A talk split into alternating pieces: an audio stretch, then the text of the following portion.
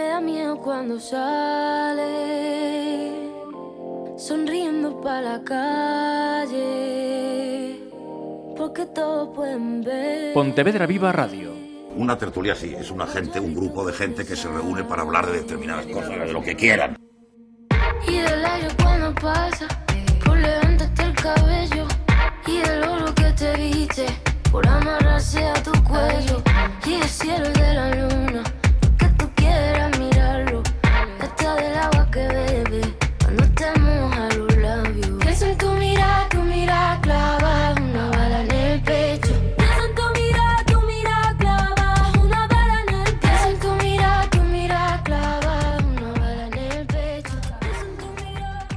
Saludos, ¿qué tal? Volvemos eh, desde hace ya unos eh, mesecitos a otra cita con estas conversas en la ferrería.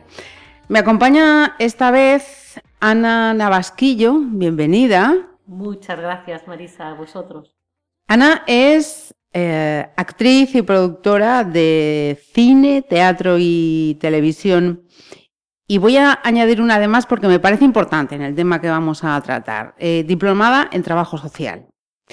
También está en esta mesa Belén González, eh, que es psicóloga de la Asociación MUM contra la Violencia de Género de Madrid.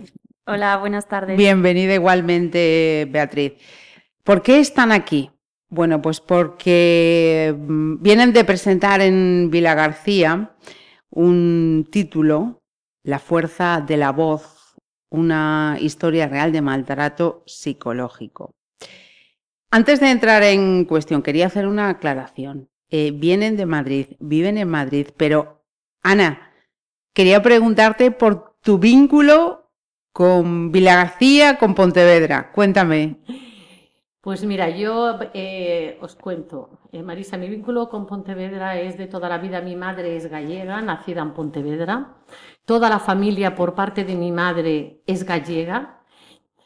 Eh, mi padre es valenciano, hemos vivido mucho fuera porque él es militar y hemos viajado, pero esas vacaciones y esa unión siempre con Galicia no ha faltado. Yo viví muchos años en Villa García de Arosa y la diplomatura en trabajo social la, la hice en Santiago de Compostela. Entonces, todas mis raíces de, de- de mi familia materna, mis abuelos, tíos, primos que siguen viviendo aquí en la provincia de Pontevedra, bueno, pues, eh, pues aquí. Entonces estamos muy arraigados a las Rías Baixas. Ajá, o sea que estamos hablando con una pontevedresa Rousana afincada en Madrid. O sea que estás en casa. Totalmente, totalmente. Decía, has presentado La fuerza de la voz, una historia real de maltrato psicológico, libro que es el resultado de un proyecto cinematográfico. Efectivamente. ¿Cómo, cuándo llega este, este proyecto y cuál ha sido todo ese trabajo previo al momento de ponerse a escribir? Eh, pues mira, Marisa, como bien dices, mm, esto nació de algo relativamente personal. Yo tengo una muy buena amiga que pasó por este tipo de maltrato. Y entonces yo cuando me estaba contando la historia, las veces que quedábamos, ¿no? Gracias a Dios, bueno, pues ahora ha salido de toda esta situación, hace ya un cierto tiempo y demás, ¿no? Pero cuando yo quedaba con ella como amiga y todo eso y me contaba un poco la historia, yo eh, me quedaba impactada, ¿no? Por ciertas cosas que puede llegar una persona y el daño que pueda, la fuerza que puede tener la voz para hacer daño.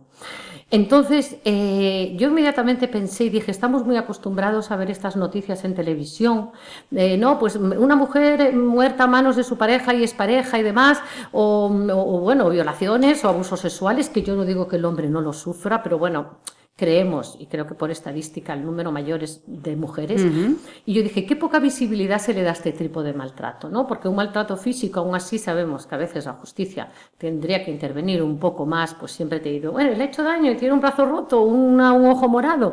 Y entonces, bueno, es un proceso largo y demás, pero uno psicológico que deja tanta secuela emocional como lo demuestras. Y yo dije, me puse un poquito a investigar también a nivel de proyectos audiovisuales, de cine y demás, y aparte de películas que conocemos ya, Durmiendo con tu enemigo, Te doy mis ojos, que, que hacen mucha referencia a la violencia física, yo decía, es que sobre el maltrato eh, psicológico, Psicológico. ¿cómo denuncias tú? Tú vas a, un- a una, a la policía y dices, mi marido me maltrata psicológicamente. Pero bueno, señora, ¿usted tiene alguna marca? ¿Le ha roto, le ha roto el brazo? Tiene... Y claro, y yo lo que me di cuenta, después ya nos empezamos a documentar con otro tipo de mujeres eh, que habían pasado por esto, que estaban intervenidas terapéutica y profesionalmente, y lo que yo me di cuenta era que tenían unas características muy comunes, ¿no? Pues esa inseguridad, ese sentimiento de culpa, ese a ver cómo salgo de, de esto, la baja autoestima. Muchas veces hay muchos factores que influyen, ¿no? La capacidad económica que tienen a veces dependen de sus parejas y no tienen esa capacidad para salir adelante o para gestionar esas habilidades y recursos o hay niños pequeños por medio. ¿Sabes? Entonces yo creí, lo creí como una necesidad. Es verdad que por desgracia el maltrato es, es algo que, que está, es de, de actualidad, pero el, físico, el, el psicológico hace mucho daño mucho daño. Entonces, en la fuerza de la voz que hacemos la presentación esta tarde en el auditorio de Villa García de Arosa, yo decía lo que hace, está basado en un hecho real, las artimañas que esta mujer hace para poder demostrar eso. No, no quiero hacer spoiler del libro, pero bueno, es la historia perfectamente. de esta mujer unas técnicas que utilizan. Eh, en ese proceso que nos acabas de señalar, ¿es cuando conoces a Beatriz o ya la conocías? Yo a Beatriz la conocí en el proceso de la película, porque este, este libro salió de, como bien decías, de un guion cinematográfico. Yo hice una presentación con un apoyo, porque bueno, estamos un poco en búsqueda de una financiación que nos falta para llevar a cabo el largometraje, que es como nació el proyecto. El libro nace después. Sí, sí, sí. Y, y, entonces nos hicieron, nos apoyaron muchísimos colaboradores. De hecho, bueno, tengo un perfil de Instagram donde muchísimas gentes reconocidas del mundo de la producción, eh, la dirección, bueno, Ana Rosa Quintana, Lidia Lozano, Agustín Bravo, Male Subago, Lluvia Rojo, yo qué sé, eh, eh, muchísimos profesionales me hicieron un vídeo apoyando para que esta película se llevara a cabo. eh, Beatriz González, y yo contacté con ella porque además me habían hablado muy bien, ella es muy buena profesional en intervención con, con mujeres y demás, y me hizo una reseña que está también plasmada en el libro, pero me hizo como una reseña que yo hice audiovisual de la entrada de la película, o sea, de la entrada, digamos, de lo que es el guion cinematográfico. Me lo hizo Beatriz González, me lo hizo Rosa Villacastín, la, periodista, me lo hizo Rosa Montero, la escritora, eh, me lo hizo Kika Fumero, que es la directora del Instituto de Igualdad Canario, eh, bueno, en portada, como veis en el libro, están Juan Artero, los Juan y Susana Becker, que son también los protagonistas de la película. Otros personajes que queremos que estén en la película son estos actores gallegos, Tete Delgado, David Seijo, eh, Josito Porto. Y entonces, eh, bueno, eso nació después y Bea pues ha estado en este proyecto con nosotros eh, colaborando como profesional desde el principio, ¿no? Dando sus pautas de bueno, pues el trato que ha tenido ella y las intervenciones que hacen con este tipo de mujeres también. Bueno, pues me acabo de ahorrar una pregunta porque iba a hacer referencia a ese reparto y a esta alusión gallega, pero ya está, ya está aclarado, así que paso al tema de la violencia psicológica. Em, ¿Ratificas, ves igual toda esa descripción que acaba de hacer Ana sobre qué sucede en estos casos eh, de la violencia psicológica, Beatriz? Sí, totalmente. Eh, creo que además Ana ha hecho una distinción muy importante, que es separar un poco el maltrato más físico, que sería como la punta del iceberg, todo lo que escuchamos sale en la televisión, en los medios de comunicación, de ese maltrato psicológico, que es todo lo que está debajo, que, que es un mundo que está muy invisibilizado, que es una violencia muy sutil, que pasa desapercibida y que muchas veces está normalizada, ¿no? Entonces eso está causando un daño muy profundo en las mujeres porque al final eh, no tienen voz y no se está poniendo tampoco nombre a lo que les ocurre, ¿no? Entonces muchas veces no saben realmente qué es lo que está pasando.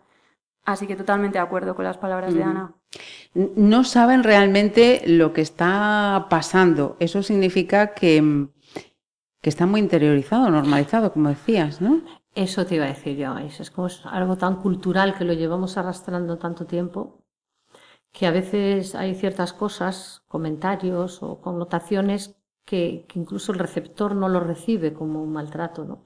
Es complicado, es, muy complicado, porque así te, dan una paliza y te rompen una pierna o te rompen un brazo o yo qué sé, te, tienes el ojo, pues lo, ves, ¿no? Físicamente, pero psicológicamente que te estén insultando todo el rato, no vales para nada, eres una inútil, esto no lo sabes hacer. bueno, en el caso del libro, que es bastante fuerte, otras cosas, pues mm, Es, es muy difícil, es muy difícil, pero el daño, la secuela emocional es grande. Bea. Ujú. Esa secuela queda ahí. Como bien dice Ana, también la educación tiene un, un peso muy importante.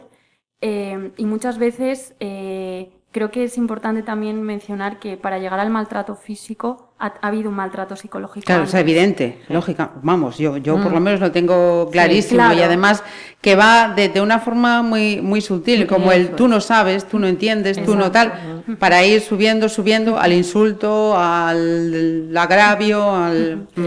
Entonces, esa habituación, esa exposición repetida, al final las mujeres llegan a un punto que, que no, no tienen ninguna sensación de control sobre sus vidas, carecen de apoyos muchas veces. O sea, es que hay como muchos, muchos factores que lo, que lo explican y al final pues nos encontramos mujeres solas, vulnerables y que no saben, no tienen herramientas, no saben cómo pueden salir de ahí. Y la justificación, ¿sabes? Ellas mismas a veces justifican esos actos, ¿no? Eh, pues está muy nervioso, tiene muchos problemas en el trabajo, estamos pasando por una crisis económica. Por una mm, pandemia. mm, Fue por una mía. pandemia, se siente responsable. ¿Sabes? Porque yo durante la pandemia he pensado mucho en esas mujeres, ¿no? O hombres, o que, que, que, que han- se han visto obligadas a estar 24 horas en su casa dentro con una persona que no les está tratando bien. Entonces, bueno, mm, pues ellas mismas a veces se inician con esa justificación, ¿no? Pues, pues eso, están muy nerviosos, bueno, hay que perdonarlo, ¿no? Yo no creo que tenga mala intención. Está, pues eso, ¿no? Las, las rachas que se pasan, ¿no? Pues laborales, económicas, problemas con los hijos y demás, que al final lo pagas con lo que, con quien tienes al lado y haces culpable a quien tienes al lado responsable y no es así. Entonces, al final mm, se va creando como una especie de bola que va creciendo y, y esa madeja luego para desenrollarla es muy complicada, ¿no? Y, y- y no todo el mundo tiene una habilidad para salir de la zona de confort, aunque sea una zona de confort tóxica. Ujú. Porque a todo el mundo nos cuesta salir de una zona de confort, pero una zona de, de confort en la a lo mejor que estás atrapada por ciertas cosas, pues bueno, pues Sí, de, de seguridad, de futuro vital, ¿qué hago yo si me voy, si me marcho, si... Si hay hijos de por medio Sí, es muy complicado. La también. dependencia psicológica al hombre, ¿no? O, o a veces, pues eso, económica, ¿no? Yo creo que la generación de nuestras abuelas de antes, ¿no? Que, que el objetivo de una mujer, de educar a una mujer, eran otros, no eran los que tenemos ahora. Con la incorporación de la mujer al mercado laboral, pues bueno, ahora ya no está en casa, atendiendo la casa, los niños y tal. Sí, pero si, si me permitís, eh, a modo de reflexión, sí que eh, observo, veo, preocupa, ha trascendido a través de, de los medios, que las generaciones más jóvenes están repitiendo unos comportamientos y unos roles que no nos indican que vamos para adelante. No, No. Eso lo hablábamos, lo hablábamos nosotros esta mañana de ella, efectivamente. Porque yo creo, es que yo no sé, no sé a dónde estamos llegando. Yo no sé si esto, el mundo va a dar la vuelta a la tortilla. Yo creo que no saben, habría, que- abrir más charlas a lo mejor sobre esto en instituto con jóvenes, con adolescentes, para que aprendan a distinguir que todo tiene un límite, todo, to- además es que todo, no hace falta hablar de maltrato, ¿no? Cualquier maltrato es malo a los animales, a los ancianos, los niños, lo que sea, pero todo en la vida tiene que tener un límite. Y, y hay un respeto y un límite que no se debe de pasar, da igual, sea entre familia, amigos, pareja, ¿sabes? Y eso es lo que no debemos de permitir que a veces dices tú, ¿y por qué lo permites? Claro, porque yo he tenido compañeras profesionales, ¿no? Que a veces saben que es que eso no se puede permitir, tienes que pararte ya, menos que claro, cuanto más aguantes y más permitas. Yo no creo que a nadie le guste pasar una situación así, pero si es complicado, no se ven con la capacidad o las herramientas, yo el denunciar creo que es importante.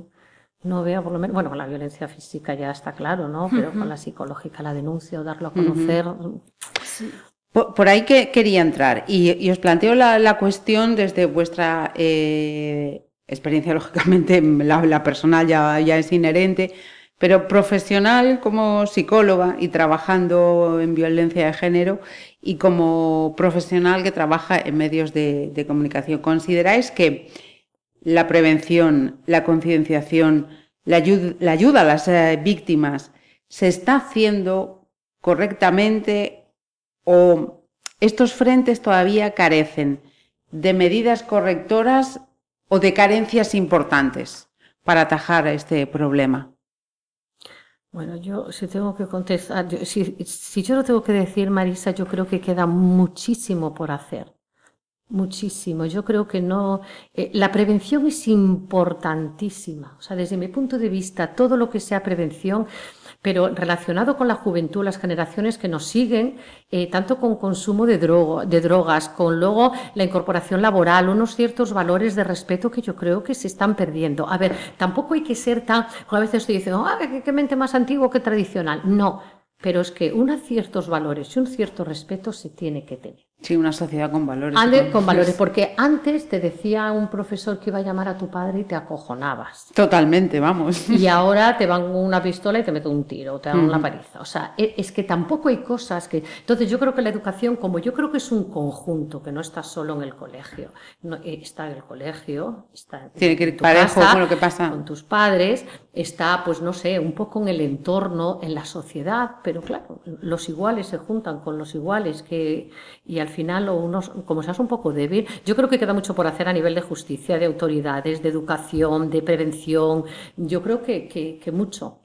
Y, y la juventud de ahora, yo espero que el futuro pues no sé Nos si sorprenda tú, gratamente. No sé si tú estás de acuerdo conmigo. Sí, como, como bien dice Ana, yo creo que al final las mujeres, yo también trabajo en un punto de violencia de género, cuando llegan ahí ya, ya ha ocurrido la violencia. Yo creo que eh, como sociedad tenemos que buscar que nunca tengamos que llegar a la intervención. Por eso la prevención es tan, tan importante.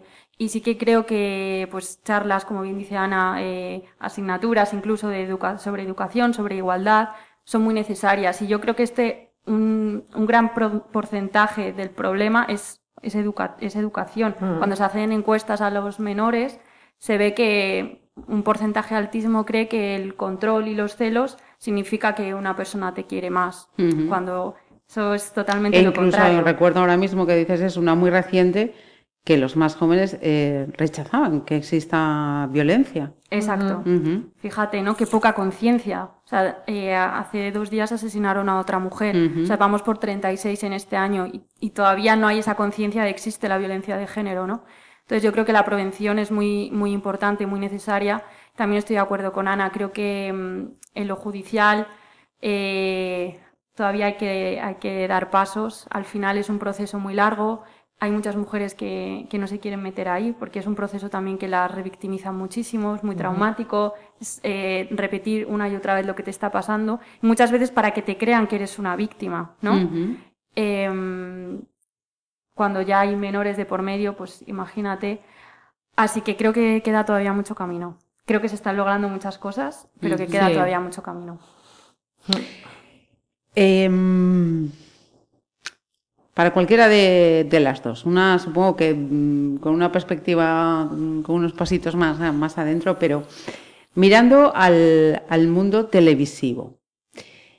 Mm, ¿Consideráis que hay programas que han tratado, que tratan el tema del maltrato físico, del maltrato, maltrato psicológico, con, con, una perspectiva más eh, sensacionalista, con un interés más de audiencias que realmente de concienciar y prevenir? Totalmente.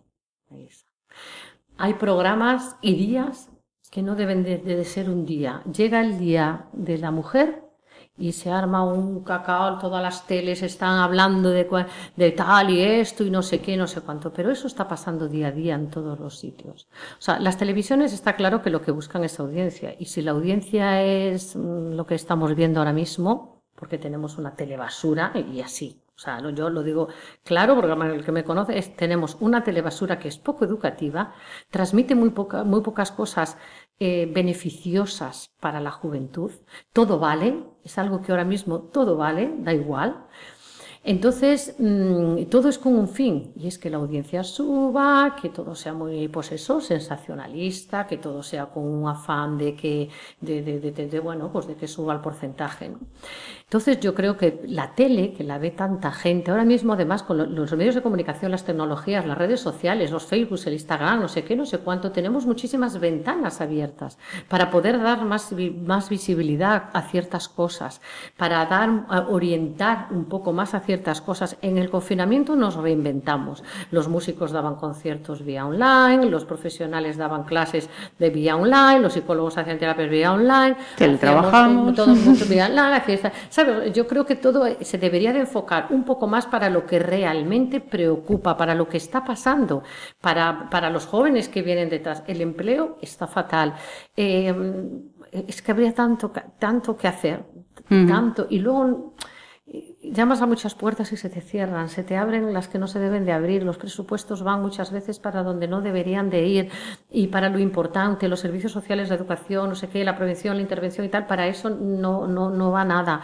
Y entonces luego vas, ves, estás viendo noticias en la, en, la, en la tele, porque yo, bueno, aparte de hacer intervención, estoy, pertenezco a la Consejería de Familia y Políticas Sociales en Madrid, y es algo que se ve día a día, ese vacío, esa desprotección es una lástima. Es una. Es... Yo a veces porque me callo muchas cosas, pero es la tijera. Bueno. La maldita autocensura. Beatriz, ¿tú, tú, cómo, tú cómo ves eh, ese tratamiento en. No voy a decir, pero sí, voy a decir, en medios de comunicación, en canales concretos, en programas concretos de estos temas? Eh, bueno, estoy de acuerdo con Ana. Creo que los medios de comunicación hay veces que no lo están enfocando bien. Muchas veces incluso cómo redactan los titulares, ¿no? Eh, muere una mujer, no, no muere. una mujer ha sido asesinada, ¿no? Creo que estas cosas eh, son, son muy importantes empezar a ponerle el foco ahí, ¿no? sí que es verdad, bueno, recientemente hemos tenido todo este tema de Rocío y yo creo que... No quería poner nombres, pero sí, estaba en la cabeza. justo cuando lo has mencionado sí que se me ha venido ese tema Sí que es verdad que no, no es una cadena que yo suela, suela ver, pero eh, bueno, al final hizo mucho, mucho ruido, ¿no? Y, y, creo que simplemente viendo las cosas que salieron ahí, eh, las creencias de algunas personas, menos mal que había grandes profesionales y periodistas como Ana, Ber, eh, Ana Bernal, perdón, eh, que un poco concienciaban, además con datos, con, con cifras, con, oye, esta conducta, estos maltratos, esto no se puede permitir.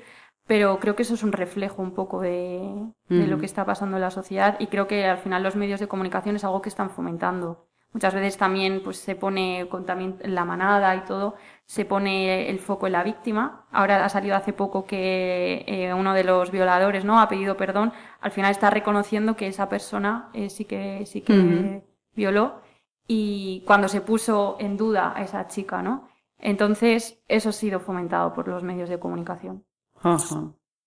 Totalmente la manera de transmitir los titulares, como dices. Y contradictorios, ¿no? Porque igual estabas en ese. Y ahora hablo desde la perspectiva de mi opinión personal, ¿no? Que estabas, efectivamente, que yo mm, tampoco dudo que esta persona conocida haya sufrido esos maltratos, pero em, sí que es cierto que al día siguiente, o a los dos días, o a las eh, dos horas, eh, cambiabas de tema y, veías que em, todo ese discurso eh, didáctico, de, ejemplificante y tal, mm, a mí por lo menos mm, me parecía que era una pose, con únicamente una intención de, ganar audiencias y, estar, estar, ahí. Yo a nivel personal, yo, yo si tengo que dar mi opinión personal, creo que es una mujer mediática por ser quien es. Eh, es verdad que ese matrimonio se había terminado hace muchos años, no tiene nada que ver ya, o sea, el juzgar cuando tú quieres dar esa visibilidad pero eso ha dado muchísimo dinero a la cadena y ha dado muchísimo dinero a ella. O sea, vamos a ser sinceras, no, no están llevando a una profesional o a mí o a Bea o a una mujer que no tiene los recursos que esta mujer puede tener para sentarse eh, eh, con un previo cheque detrás, ¿no? y, con una cadena con muchísima audiencia. De hecho, incluso había un dato, tú lo has mencionado, Bernal, creo que, que, ya ha rehusado volver a seguir participando. Dije yo, mm, sí. aquí hay algo. Al final, sí. Eh, yo, vamos, vi sus intervenciones, es que... O sea, es complicado, al final es luchar contra Goliat un poco, ¿no? y, y, al final, pues eso, es tan sencillo como te estoy exponiendo pues una realidad, te estoy exponiendo unas cifras, te estoy exponiendo eh, el sufrimiento de muchas mujeres, pero bueno, cómo se tergiversa todo, cómo... ¿Hacia dónde va la intención final del programa? Eh, Ana, con tu permiso, tengo otra pregunta antes de terminar, pero que quería aprovechar que tenemos a, Beatriz aquí. Em, para aquellas eh, personas que ahora mismo están escuchando y digan, pues, es que en algún momento me he sentido identificada ¿Cuál sería tu consejo? yo siempre eh, digo pedir ayuda. Eh, hay muchísimas asociaciones, sí que es verdad, bueno, aquí en, en Galicia no conozco, pero estoy segura que Las también hay, sí, sí, hay sí, muchísimas hay. asociaciones eh, que están con profesionales, también está el 016, o sea, hay ahora mismo hay muchas asociaciones que, que estamos, tenemos las puertas, puertas abiertas para ayudar a las mujeres. Es, es muy difícil salir de ahí, luego depende también obviamente de cada situación personal, pero es un equipo muy multidisciplinar por lo general. Eh, hay psicólogas, pero hay trabajadoras sociales, hay educadoras, hay, a veces hay psiquiatras. Entonces, eh, pedir ayuda, pedir ayuda, porque con, con ayuda, con apoyo, con gente que conoce, que pueda sentirse, eh, ayudarte muchas veces, porque también son mujeres con mucha culpa, con, eh, con una sensación de fracaso, de derrota, que no, que no, en estas asociaciones nadie las va a juzgar, son bienvenidas y, y las, las vamos a ayudar. Pedir ayuda entiendo que es cuando uno ya ha identificado que tiene un problema, pero incluso preguntar cuando una situación te suena rara, mm, ¿por qué me siento mal? ¿Por qué esto? mm, llamar, preguntar, mira, eh, esto me pasa. ¿Es? ¿No es? ¿Qué hago? Qué importante eso, ¿no? Porque muchas veces damos por hecho que eh, dan por hecho que es su culpa, esa atribución interna, ¿no? O muchas veces justifican, como bien decía Ana antes. Eh, sí, preguntar, no dar por hecho o no creer eh, amenazas o la manipulación, ¿no? Qué importante.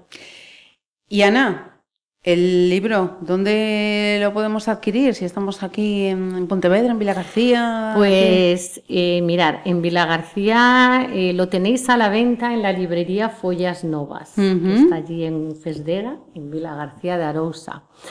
Eh, bueno, esta tarde en la presentación, mañana, esta tarde hacemos una en el auditorio de Villa García a las 8, mañana a la una y media en el auditorio de Nigrán. Y, me- y luego vía mi Instagram, Ana Navasquillo, eh, bueno, yo es que he estado mandando libros a Albacete, a Barcelona, Asturias, me los iban pidiendo y yo a nivel personal los iba mandando, ¿no? A través de la editorial, pero bueno, pueden contactar conmigo directamente, pero en la provincia de Pontevedra, en la librería Follas Novas, lo podéis adquirir. Perfecto. Pues Ana y Beatriz, muchísimas gracias por hacernos este huequito y acompañarnos estos minutos. Muchísimas gracias a las dos. Gracias a ti, Marisa, de verdad, porque estos espacios que dan visibilidad, esos medios de comunicación de los que hablábamos, también es importante que, que se hable de estas cosas. Gracias a vosotros. Gracias a ti, Marisa. caer del cielo cuando sales por la puerta. Pienso que no vuelves nunca. Y si no te agarro fuerte, siento que será mi culpa. Pienso en tu mirada, tu mirada clava una bala en el pecho.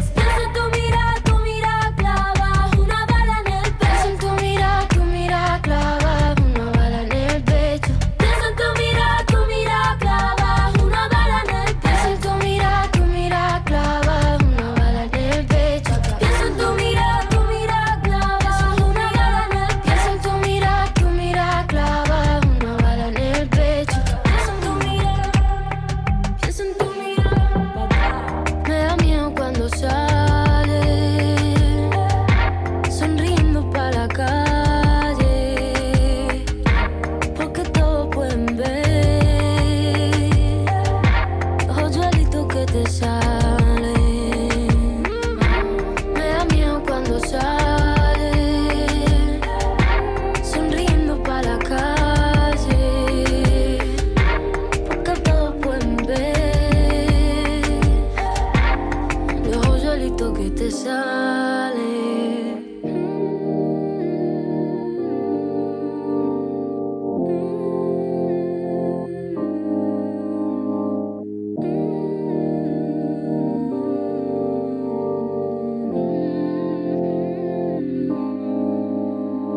Pontevedra Viva Radio